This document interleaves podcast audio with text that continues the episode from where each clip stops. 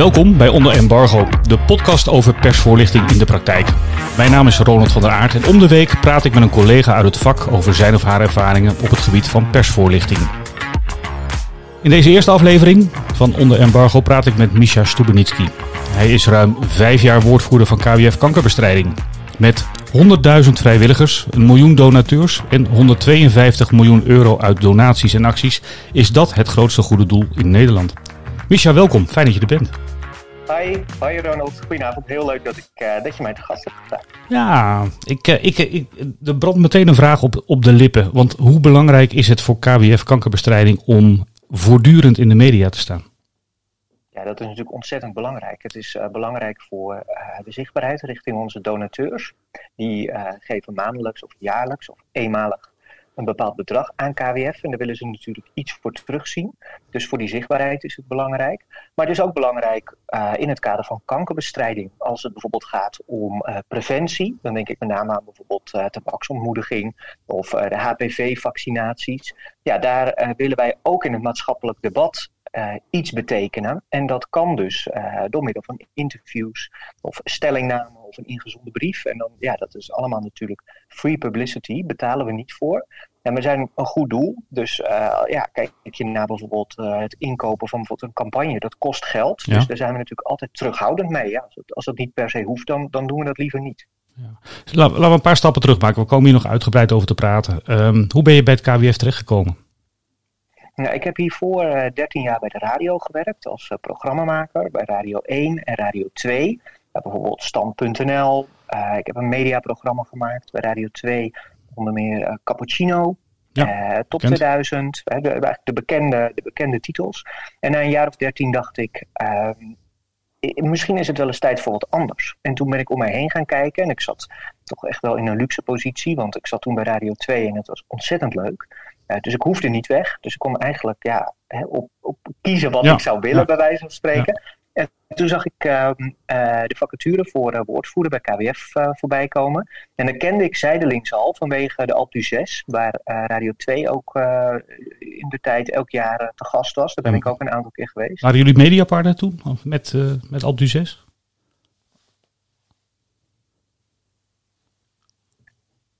Sorry, ik, je moet je vraag nog even één keer herhalen. Ja, ik, ik leg het meteen uit voor de luisteraars. We praten via Zoom uit corona-overweging in deze lockdown.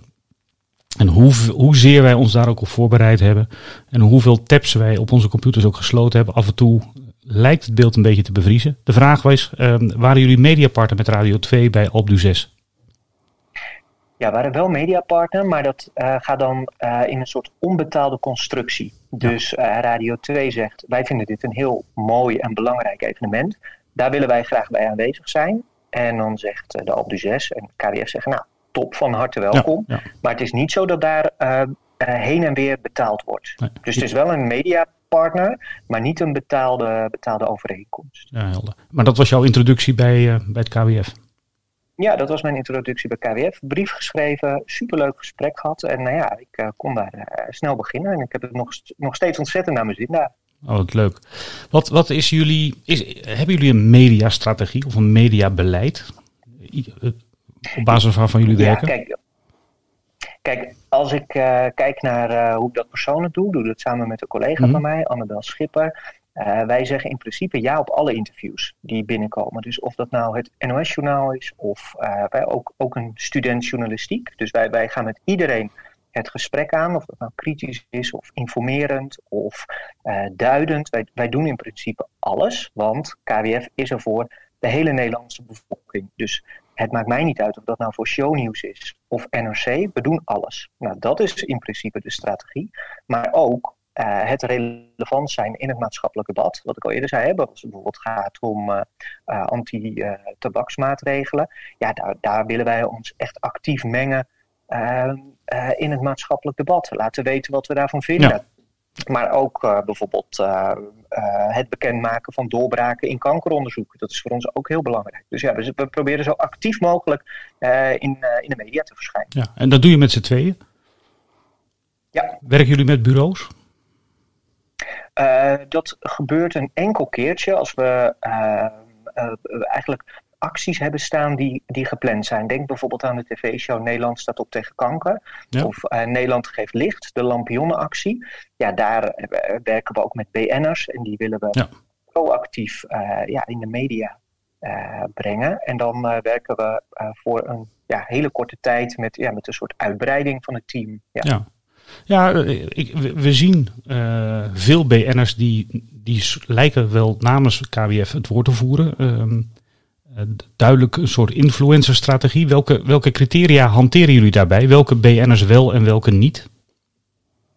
Kijk, dat moet je eigenlijk zien als twee groepen. We hebben uh, tien vrienden van KWF. Dat zijn onze vaste ambassadeurs. Dat zijn uh, mensen voor wie KWF het eerste goede doel is, het nummer één goede doel waar ze iets voor doen. Ze kunnen ook nog steeds voor anderen uh, iets doen, maar KWF is het eerste goede doel. Denk aan uh, Roelof Hemme van Radio 538, maar ook Marlijn Weerdenburg, ja. uh, Sander Schimmelpenning. en daar kijken we naar de gehele breedte van de Nederlandse bevolking die we daarmee willen bereiken. Dus ook een Ruud Veldkamp, hè, acteur uit Goede Tijden, Slechte Tijden maar ook Fidan Ekic. Uh, dus dat is eigenlijk heel breed, omdat KWF ook heel breed is. Dus daar hebben we naar gekeken. We hebben ook aan ze gevraagd uh, wat ze. Uh, soms komen ze overigens ook naar ons toe.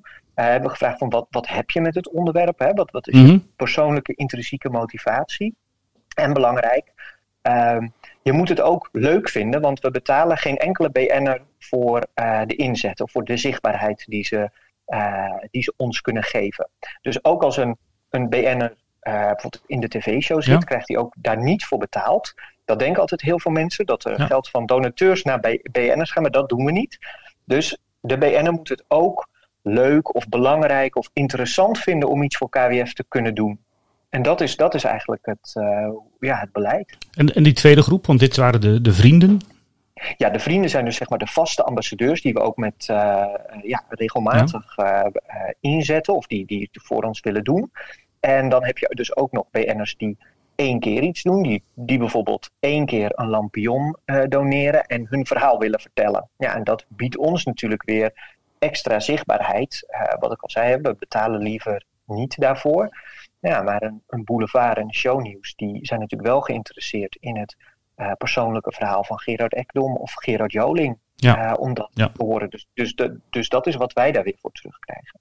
Ja, ik vond uh, Nederland geeft licht. jullie lampionactie in december weer een, volgens mij een groot succes, als ik het zo zag. Ja, Met een mooie uitzending op SBS. Ja. Hoe, hoe hebben jullie dat qua, over, los even van de BN'ers, qua persvoorlichting aangepakt?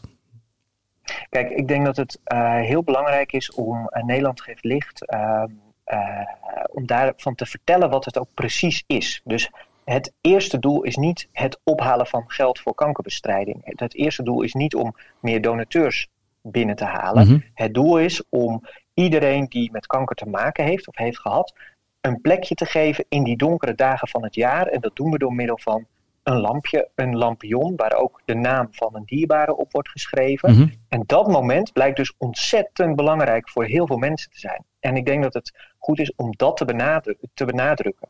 En tuurlijk halen we daar ook geld mee op. Hè? En mensen moeten betalen voor een uh, lampion. Mogen ze zelf weten wat bedrag dat is. We zien ook dat het geefbedrag vrij hoog is.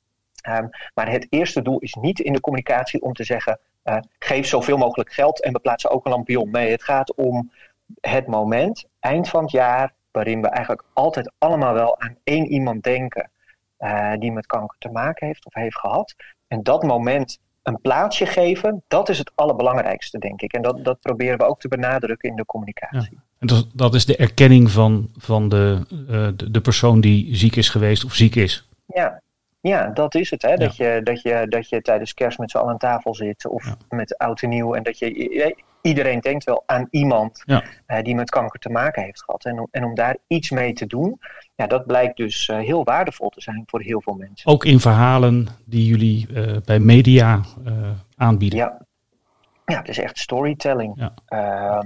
Uh, en ja, achter, uh, het klinkt clichématig, maar achter elke lampion, dat waren er dit jaar meer dan 40.000, achter elke lampion gaat natuurlijk een verhaal schuilen. Een ja. hoopgevend verhaal, of een treurig verhaal, of uh, ja, een verhaal van iemand die nu met kanker te maken heeft, dus die een steuntje in de rug kan gebruiken. Dus dat zijn stuk voor stuk hele bijzondere verhalen. Ja. Dat zagen we ook bij de Elfsteden zwemtocht van Maarten van der Weijden in 2018, 2019. Daar kennen we elkaar van. Ja. Bij de eerste editie hebben we elkaar ontmoet. Uh, Maarten uh, liet daar ook heel veel mensen uh, hun verhaal vertellen. Uh, hij, hij, lag natuurlijk een paar dagen in het water en, en, vertelde niet zoveel. Maar dat liet hij aan anderen over rondom de uitzendingen. Hoe, hoe belangrijk is Maarten geweest, of nu nog, voor jullie als KWF? Ja, ontzettend belangrijk op, op meerdere vlakken. Hè. het, wat, je, eigenlijk wat je al zegt, het vertellen van het verhaal is al heel belangrijk. Mm -hmm. Hij is natuurlijk uh, zelf patiënt geweest en daar vertelt hij ook heel uh, goed en indrukwekkend over. Dus dat geeft ook heel, uh, dat geeft een heel duidelijk beeld van wat kanker met je doet. En dat vind ik, dat vind ik heel belangrijk. Maar ja, ook dat hij in twee jaar tijd ongeveer 11 miljoen euro bij elkaar heeft gezwommen voor kankeronderzoek. Ja, dat zijn zulke enorme bedragen. Daarmee kun je echt verschil maken in kankerbestrijding. Dus het is het boegbeeld, het is uh, zijn persoonlijke uh, verhaal, waar mensen ook heel veel kracht uit putten. Dat zie je ook. Hè? Mensen mm -hmm. gaan hun eigen verhaal vertellen, terwijl hij dat niet eens doet, want hij, ja. uh, hij is aan het zwemmen. Maar ook echt het financieren van ontzettend veel onderzoek. Ja, met, met zoveel geld kun je echt het verschil maken. Hoe, hoe werkt dat in de, in de dagelijkse praktijk bij jou, uh, Misha? Uh, je, je, hebt een, een, een, vriend van het KWF of een, een, een tijdelijke BN'er, of althans een BN'er die tijdelijk ja, ingezet kan worden. Die één keer iets doet. Ja. Hoe, hoe zet je die weg in de media? Hoe, hoe, ga je, hoe bouw je dat verhaal? Hoe, hoe benader je de media hiermee? Um, gaat twee kanten op. Uh, wij benaderen zelf proactief media, mm -hmm. maar dat doen we dan uh, altijd door te kijken naar wat is het verhaal van die persoon. Kan ook een onbekend iemand zijn uh, of een bekend iemand. En dan bellen wij met de redacties waarvan wij denken: dit is een verhaal dat, dat past daar goed, hè, dat klopt. Ehm, we hebben rond bijvoorbeeld Nederland geeft licht heel actief ook regionale media benaderd. En daar hebben we bijvoorbeeld uit de provincie Brabant donateurs van een lampion uh, gekoppeld aan een redactie. Omdat ja. natuurlijk, hè, Omroep Brabant wil iemand ja. uit Brabant. Gewoon rele relevant dan, ja. Precies, dus, dus dan kijken we heel uh, specifiek van wat een medium, wat interessant zou kunnen zijn voor een medium. Die bellen we en vertellen, nou dit is het verhaal, uh, zou dat iets kunnen zijn. Maar ook de andere kant op. Dus zodra wij de aankondiging doen dat Nederland geeft licht en weer aankomt, dan gaat bij ons de telefoon. En ja, media bellen ons en zeggen, zouden we kunnen doen. Of we ja. hebben al hele duidelijke ideeën van, uh, van wat er gebeurt. Want jullie hebben een gunfactor. Uh, jullie, jullie als goede doel heb ja. je bijna per definitie een gunfactor? Of is dat iets wat jullie gebouwd hebben in de afgelopen jaren? Ik denk beide. Ik denk dat we uh, heel toegankelijk zijn. Dat is ook wel iets waar we de afgelopen jaren heel hard aan hebben gewerkt. Door goede contacten met media aan te gaan.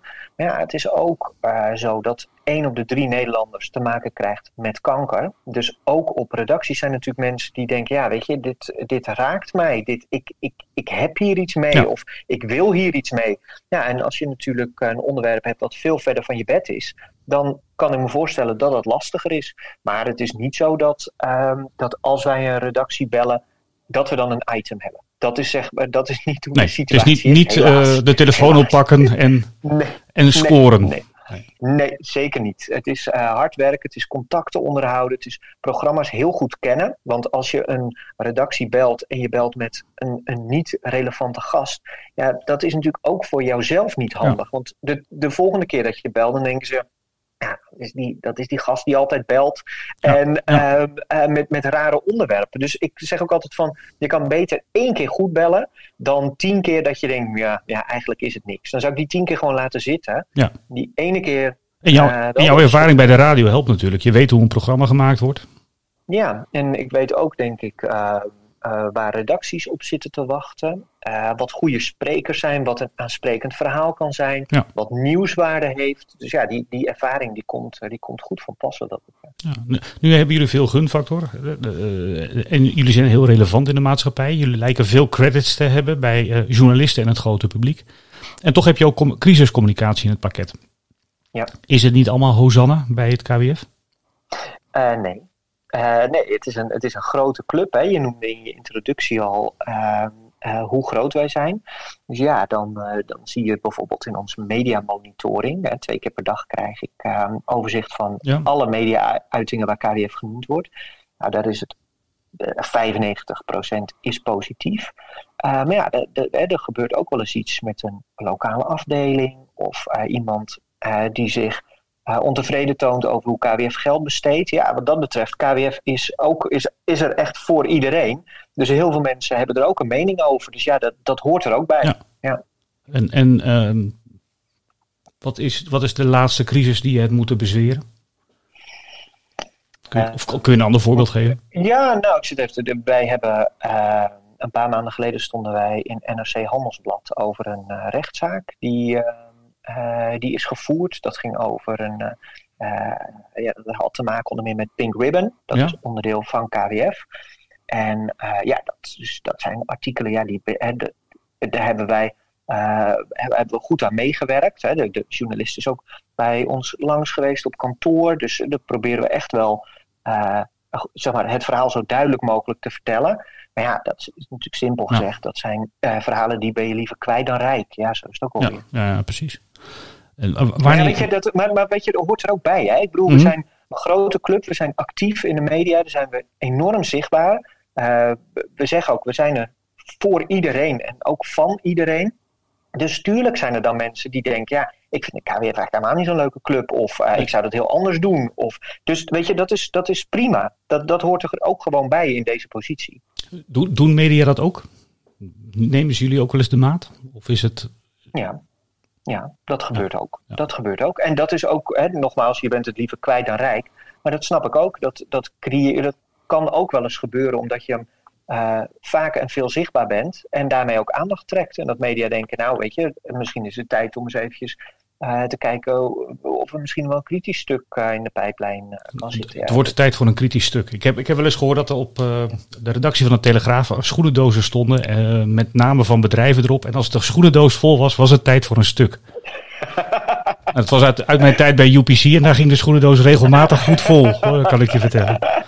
Ja, weet je, het is gewoon uh, je kan er van alles van vinden, maar het hoort er ook bij. Hè? En kijk, voor mijn werkzaamheden is het natuurlijk ook heel interessant. Hè? Crisiscommunicatie is ook gewoon interessant. Want uh, je vraagt op dat moment heel veel van mensen, ook in de organisatie, maar ook van het publiek. Ja. Dus uh, ja, dat, dat is ook, ook interessant. Nogmaals, je bent liever kwijt dan rijk, ja. maar uh, vanuit je uh, professie is dat natuurlijk ook hartstikke interessant. Ja. Wanneer ben je nou, uh, het, jaar, het jaar is net geëindigd, dus misschien dat dat heel erg top of mind is. Wanneer ben jij succesvol aan het eind van het jaar? Nou ja, ik denk dat, het, dat, dat KWF succesvol is als je ehm, met eh, relevante bijdragen echt iets kunt betekenen. En eh, kijk, het doel is niet van KWF om de volpagina te halen. Ik heb niet het doel om de volpagina te halen. Ik wil dat als wij iets communiceren, of dat nou een campagne is, of hè, in woordvoering een interview of een statement, um, dat het bijdraagt aan waar KWF voor staat. En ik denk dat bijvoorbeeld de HPV-vaccinaties daar een uh, heel goed voorbeeld ja. is. Het gaat om baarmoederhalskanker. Vaccinatiegraad in Nederland hartstikke laag. Ja, wij hebben ons daarin geroerd en wij hebben gezegd, jongens, uh, die oproep komt eraan voor uh, jonge meiden om je, te om je te laten vaccineren. Doe dat, want daarmee kun je gewoon kanker voorkomen. Ja, het, simpeler is het niet. En we zagen dat na die oproep dat de vaccinatiegraad omhoog is gegaan. Ja, weet je, dan maak je echt een verschil. Je bent echt kanker aan het voorkomen. Uh, en ja, dat, dat kost geen cent in de zin van advertenties uh, inkopen. Ja, dan, dan ben ik wel, dan ben je echt tevreden. Ja. Dat en dat, uh, kun je dat kwantificeren aan het eind van het jaar? Of wordt dat, wordt, is dat meer een, een kwalitatieve analyse die jullie maken? Ja, weet je, dat vind ik altijd lastig. Want je krijgt natuurlijk ook vaak de vraag hè, van wat voor mediawaarde heeft een interview? Ja. ja, de, ja. Wie heeft de vraag niet gehad? Ja, ja, nou dat is natuurlijk. Kijk, en dan is natuurlijk best wel een beetje uh, soms een strijd tussen uh, ja, de salesafdeling en de woordvoeringsafdeling. Want uh, ja, opening 8 uur journaal over uh, kankerzorg in coronatijd. Super relevant onderwerp. Als donateur van KWF zou ik, dat, zou ik echt willen dat KWF daar iets van vindt. Nou, dat vinden we ook. Um, maar ja, wat is de mediawaarde van de opening van het 8 uur journaal? Ja, ik heb geen idee. Je kunt het niet kopen. Hè? Je kunt niet de opening van het 8 uur journaal. Nee. Dus hoe kun je dan zeggen wat voor. Nou ja, goed, dit is ja, een het, beetje. Het sterblok ervoor. Ja, ja, uh, maar, maar, maar, je, je wordt al snel uh, accountant en, en je bent persvoorlichter. Ja.